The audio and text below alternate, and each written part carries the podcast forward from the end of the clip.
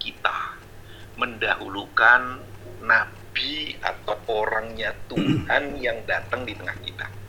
Maka dikatakan an-nabi aula bil mu'minina min anfusihim.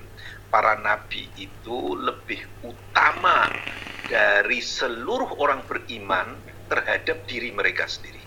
Jadi, apa konsekuensi saya mengimani Nabi Ibrahim di zaman Nabi Ibrahim? Saya konsekuensinya mengikuti Nabi ini total, menghilangkan mau saya dan mengikuti sang Nabi dengan semua kecintaan. Karena kecintaan dengan sang Nabi ini kemudian akan melahirkan gerakan yang notabene menjadi gerakan kemanusiaan Makanya ada istilah bi'tah. Nabi diperintahkan untuk memulai dakwah. Orang bahasanya sebagai nabi atau sebagai rasul. Yang dimaksud sebagai nabi, sebagai rasul apa?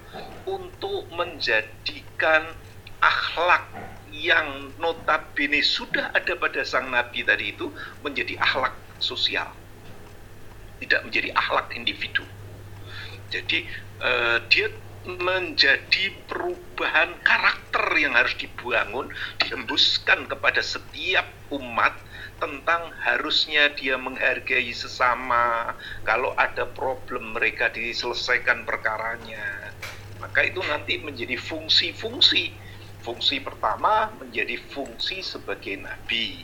Artinya apa? Membimbing manusia orang setiap personal kemudian diminta untuk menyampaikan baik kepada lingkungannya. Orang tidak tahu, tidak dicela, kemudian tidak merasa hebat. Ini cara mencintai sang nabi sebagai nabi. Bagaimana kita mencintai uh, sebagai rasul?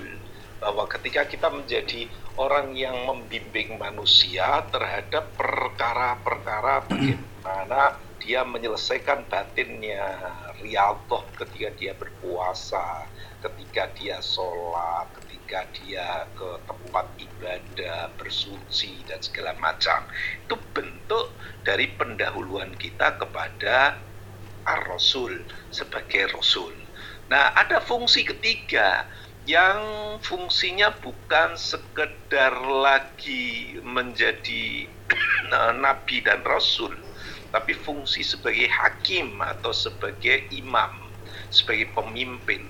Ketika ada orang berselisih, dia berlaku adil, dia tidak memilah perkara manusia itu karena dia beda kelamin, artinya merendahkan uh, jenis kelamin atau merendahkan karena faktor suku atau merendahkan karena faktor ras. Jadi semua tatanan ini untuk dibangun agar tidak terjadi ketimpangan sosial. Inilah yang disebut dengan social justice atau keadilan sosial agar terbentuknya saluran kasih sayang yang terjadi sesama manusia yang tidak saling meniadakan, tidak saling membunuh, yang proses kehidupannya anak-anaknya berproses menuju pada kesempurnaan tanpa merasa dirinya paling hebat di tengah masyarakat. Kemudian bagaimana dia menata ekonomi sehingga membuat orang tidak lagi menjadi sangat kaya di tempat itu dan yang lain menjadi sangat miskin di tempat itu. Kenapa ketimpangan sosial ini berdampak yang luar biasa? Sehingga perlu ada sebuah tata sosial yang dibangun di sini, tata ekonomi dari aspek hukum saya sudah katakan, dari aspek sosial saya sudah katakan, dari aspek politik. Bagaimana sang nabi ini mengajarkan tentang kemerdekaan bahwa selain kalian sebagai komunitas, kalian tidak boleh menyerah pasrah dengan penzaliman, pembodohan. Dia harus bergerak aktif untuk mempersiapkan sebuah cita-cita yang semuanya harus merasakan dengan kesadaran dan iman. Inilah misinya Tuhan menciptakan kita. Dan itu juga yang secara konsisten para nabi diutus untuk membawa manusia dan ditunggu kesadarannya sampai mereka memilih dan mendapatkan bentuknya. Selalu dalam estafet sejarah terbangun dengan menyiapkan dari keluarga, makanya dibangunlah contoh-contoh keluarga setelah ada nabi yang dicontohnya adalah keluarga. Misalnya uh, ayat yang mengatakan innallaha astofa adama. Sungguh Allah telah memilih Adam tapi bukan keluarganya yang dipilih. Wa Nuh dan Nuh dipilih tapi dia bukan keluarganya yang dipilih. Tapi lanjutannya dikatakan wa ala Ibrahim dan keluarga Ibrahim. Artinya yang terpilih bukan hanya Ibrahim tetapi juga sudah tata masyarakatnya eh, tata keluarganya Nabi Ibrahim Lalu ada lanjutannya wa ala Imran dan keluarga Imran. Keluarga Imran kita sudah cerita Bunda Maria itu putra putri dari uh, Imran, Maryam binti Imran atau nama lainnya Yahuyakin. Jadi untuk apa? Lil alamin. Pengertian lil alamin apa? Inilah manusia-manusia sempurna yang kalian kalau mau menjadi e, mencapai tujuan yang dikehendaki Tuhan, jadilah kalian berjalan tapaknya menuju mereka. Baik itu membangun dirinya atau membangun keluarganya, sehingga terbentuklah tata sosial berkeadilan. Itulah yang harusnya kita pahami. Itu Mas Inter. Wah, mantap begini, mantap. Mantap begini, mantap begini jadi mereview kembali. Nah, mm-hmm. sekarang apa kita buka tanya jawab nggak nih? Lah kita pelan aja lah. Waktu jadi kira-kira Mas Endarto masukin saya. Beb, masuk sini. Aduh iya. Emang kita kita butuh leader yang yang yang soalnya dari tadi kita ini apa namanya masing-masing memperlihatkan kemampuan. Terima kasih Beb. Uh, luar biasa pencerahannya pagi ini. Uh, ya mungkin sahabat-sahabat sini ada yang mau bertanya kali. Nggak apa-apa sih ke sepertanyaan dua pertanyaan lah Beb biar biar tuntas. itu itu ada Mbak siapa yang di bawah Mbak Mona Lisa. Mbak Mona Lisa baru masuk. Iya, monggo Mbak Mona Lisa. Ah, mau menyampaikan sesuatu atau apa ini monggo.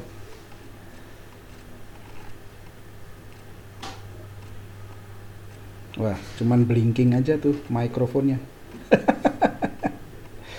Tadi Bib Ali nyampaikan keinginan Tuhan dan keinginan apa ya kita istilahnya menselaraskan keinginan kita dan keinginan Tuhan itu makanya kadang-kadang saya gini saya merasa nggak yakin bahwa semua yang saya inginkan untuk diri saya itu ada lebih baik dari apa yang diinginkan Tuhan untuk diri saya.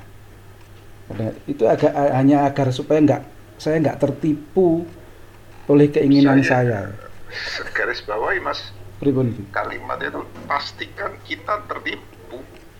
Nah, betul. jadi, nah, jadi bukan nano bahwa uh, manusia terbaik itu ketika dia sudah tidak punya keinginan yang ada keinginan Tuhan. Wah.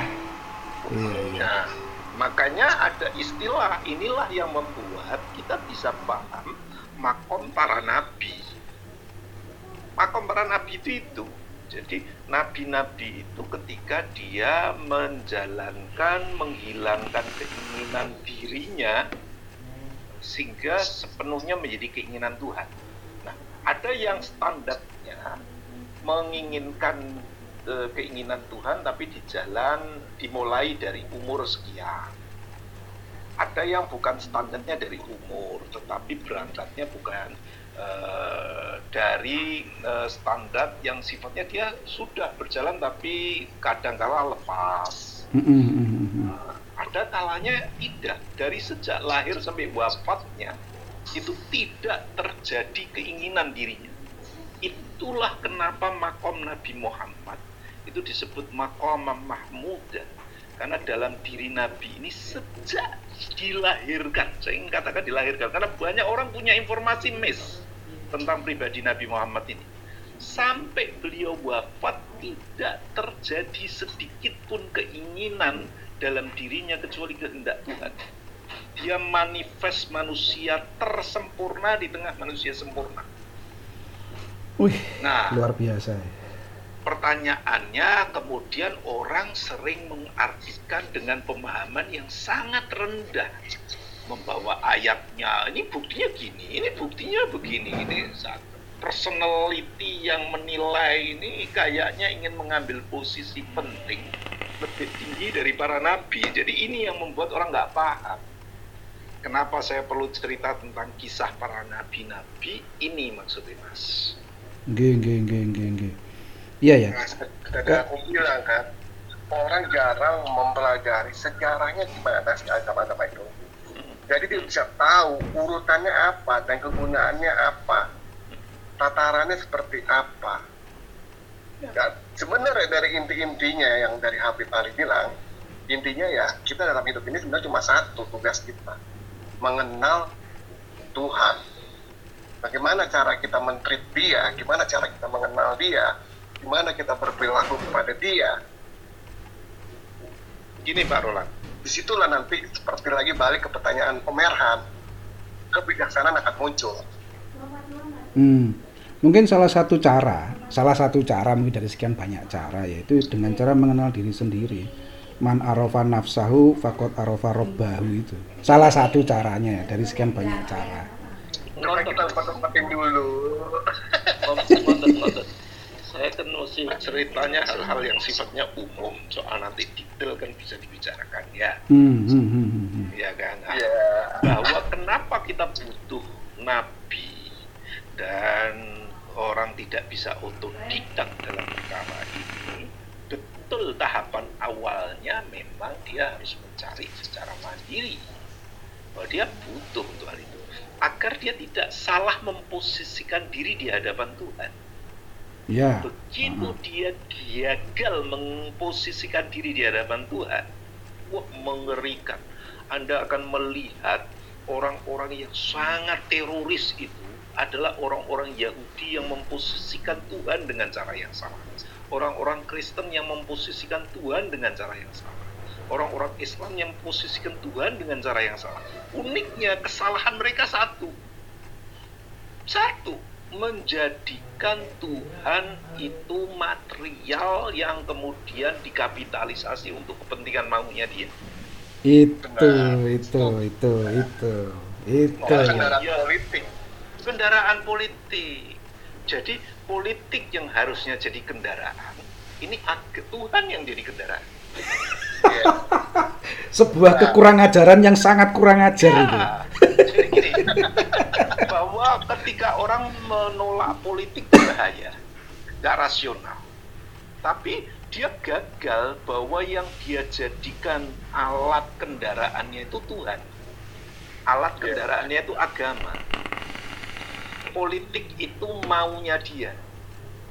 Nah, kalau yang dibangun oleh para nabi, politik itu adalah maunya dia yang dikendarai untuk mencapai tujuan Tuhan. Ketika Ya. politik itu mencapai tujuan Tuhan, kendaraannya adalah diri kita. Artinya apa?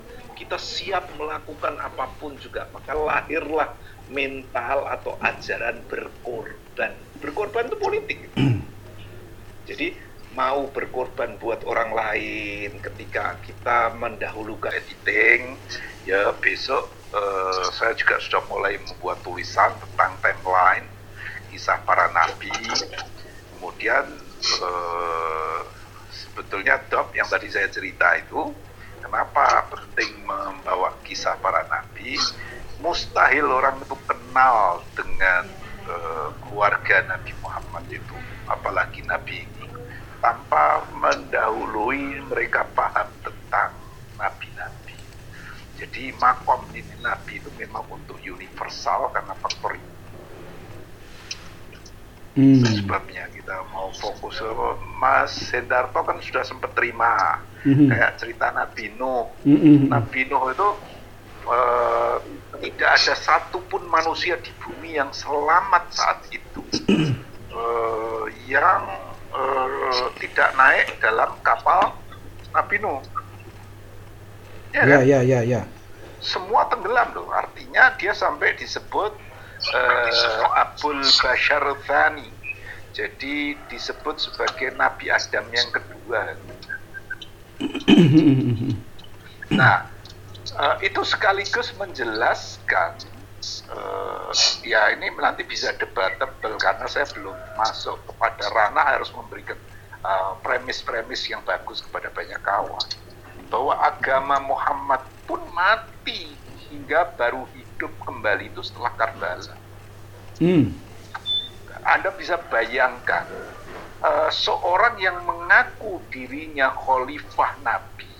Cari aja, cari aja Nabi siapa pun atau sejarah mana pun yang eh, umatnya mengharapkan atau mengimani ajaran nabinya, lalu dia membunuh cucunya. Hanya orang Islam Hmm. plus ucapannya dikatakan lo'ibat Hashimu. Jadi dikatakan bahwa uh, Bani Hashim ini bermain-main dengan kerajaan. Sementara tidak ada malaikat yang turun, wala wahyu yang turun kepada Muhammad. Kebayang seorang khalifah yang mengklaim dirinya khalifah Islam atas nama Nabi, menuduh Nabi tidak berdatang padanya malaikat dan tidak padanya eh, turun wahyu. Anda bisa bayangkan Islam model apa yang akan muncul kemudian oleh khalifah model itu.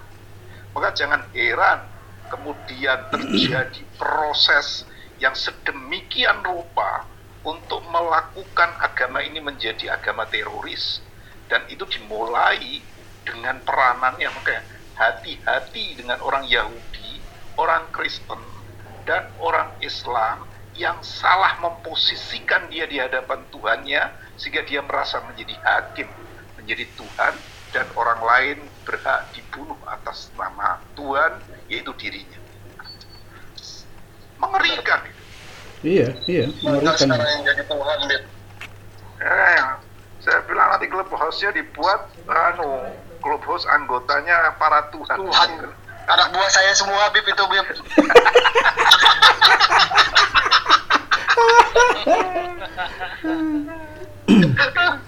Makanya sekarang tahu kan Kenapa tuh Jadi- Tuhan 1309? Nah, itu dia maksudnya itu, Bib. Kenapa saya pakai nama God?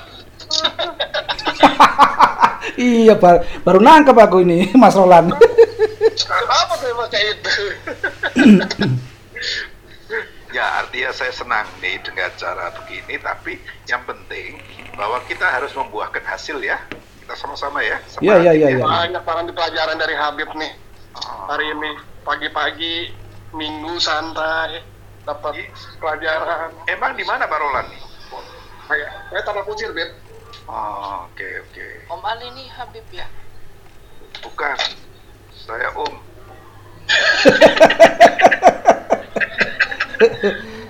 Kak, kalau kalau manggil Om, maka Wira manggil saya itu Kak. 25 tahun no aku. 25 tahun DP-nya mas Kena cicilan sama roaming iya.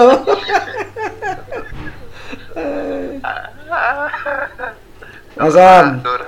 balik kontrol Mas Sam. Moderator. Oke, terima kasih. Eh, Bung Marle, Marle, mungkin ada ada sesuatu yang mau disampaikan mungkin jadi resen untuk join ke klub. Mau nambahin dikit ya sih yang dibilang Mali tadi masalah jihad Oh, masalah Kenapa jihad. sebab Oke, silakan. di setiap kitab fikih itu jihad itu di bab paling terakhir Kenapa? Supaya orang yang belum lulus fikih toharoh bersuci itu nggak bicara banyak soal jihad makanya di kitab-kitab fikih itu eh, masalah bersuci itu paling utama kalau bersuci aja dia masih belum beres nggak usah ngomong jihad Mantap ini pertanyaan. Luar biasa. Artinya jihad itu adalah bentuk pengorbanan. Coba perhatikan, orang yang berkorban itu membutuhkan kesucian, membutuhkan sholat, membutuhkan karena dia berkorban, bukan mengorbankan. Orang yang berkorban itu memberikan yang terbaik yang dia miliki untuk Tuhannya. Bukan dia mengambil. Beda memberi sama mengambil dua hal. Maka jihad itu melahirkan satu kaum. Kaum sayyid atau kaum tuan. Bangsa disebut bangsa tuan. Itu kalau bangsa itu mau menjadi bangsa pemberi, bukan bangsa peminta. Bangsa peminta itu adalah bangsa miskin, bangsa yang akan banyak menuntut, bangsa yang banyak ngeluh. Bangsa berjihad atau bangsa tuan adalah bangsa yang ingin memberi, bangsa yang ingin mengayomi, bangsa yang ingin yang gelisah karena ada kemiskinan, yang gelisah karena ada kebodohan, yang menyebar kasih sayang, yang siap mati buat kehidupan, bukan siap mematikan kehidupan. Jadi jihad itu sendiri definisinya membangun yang rusak di masyarakat. Dia dirindukan, dia kasih sayang, dia harapan, dia kehormatan. Sebaliknya musuhnya adalah teror. Teror itu berarti merusak tatanan di masyarakat. Dia menyebar kebencian. Dia mendorong hoax. Dia membangun untuk orang menjadi berjarak. Dia membuat orang menebarkan fitnah. Dia membangun kekacauan yang tidak meng, yang menciptakan keputusasaan. Jadi kenapa jihad itu menjadi ditaruh di akhir? Karena dia mahkota buat diri pelakunya dan bangsanya. Jadi kalau mahkota itu ya setelah orang mau pakai mahkota itu bajunya sudah bersih, orangnya sudah siap, baru ditaruh di atas kepalanya. Nah, kepala itulah ajaran jihad. Itu Bang Marli. Iya, salam kenal Om Ali. Ana jamaah juga Pak Mazubaidi. Masya Allah. Ya.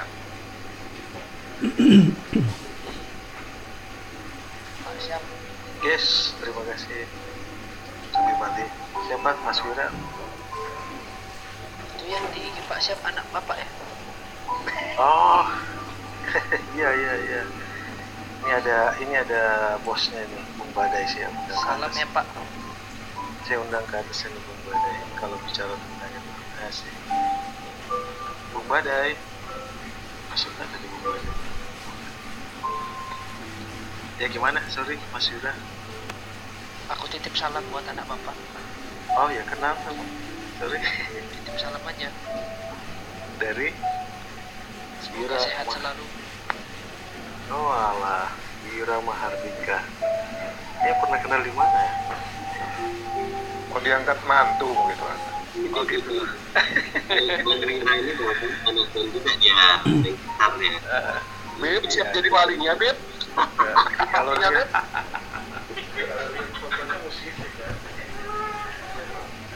Musiman dia nih, Om. Musisi seniman. Sing mau ngangkat mantu aku sopo ya?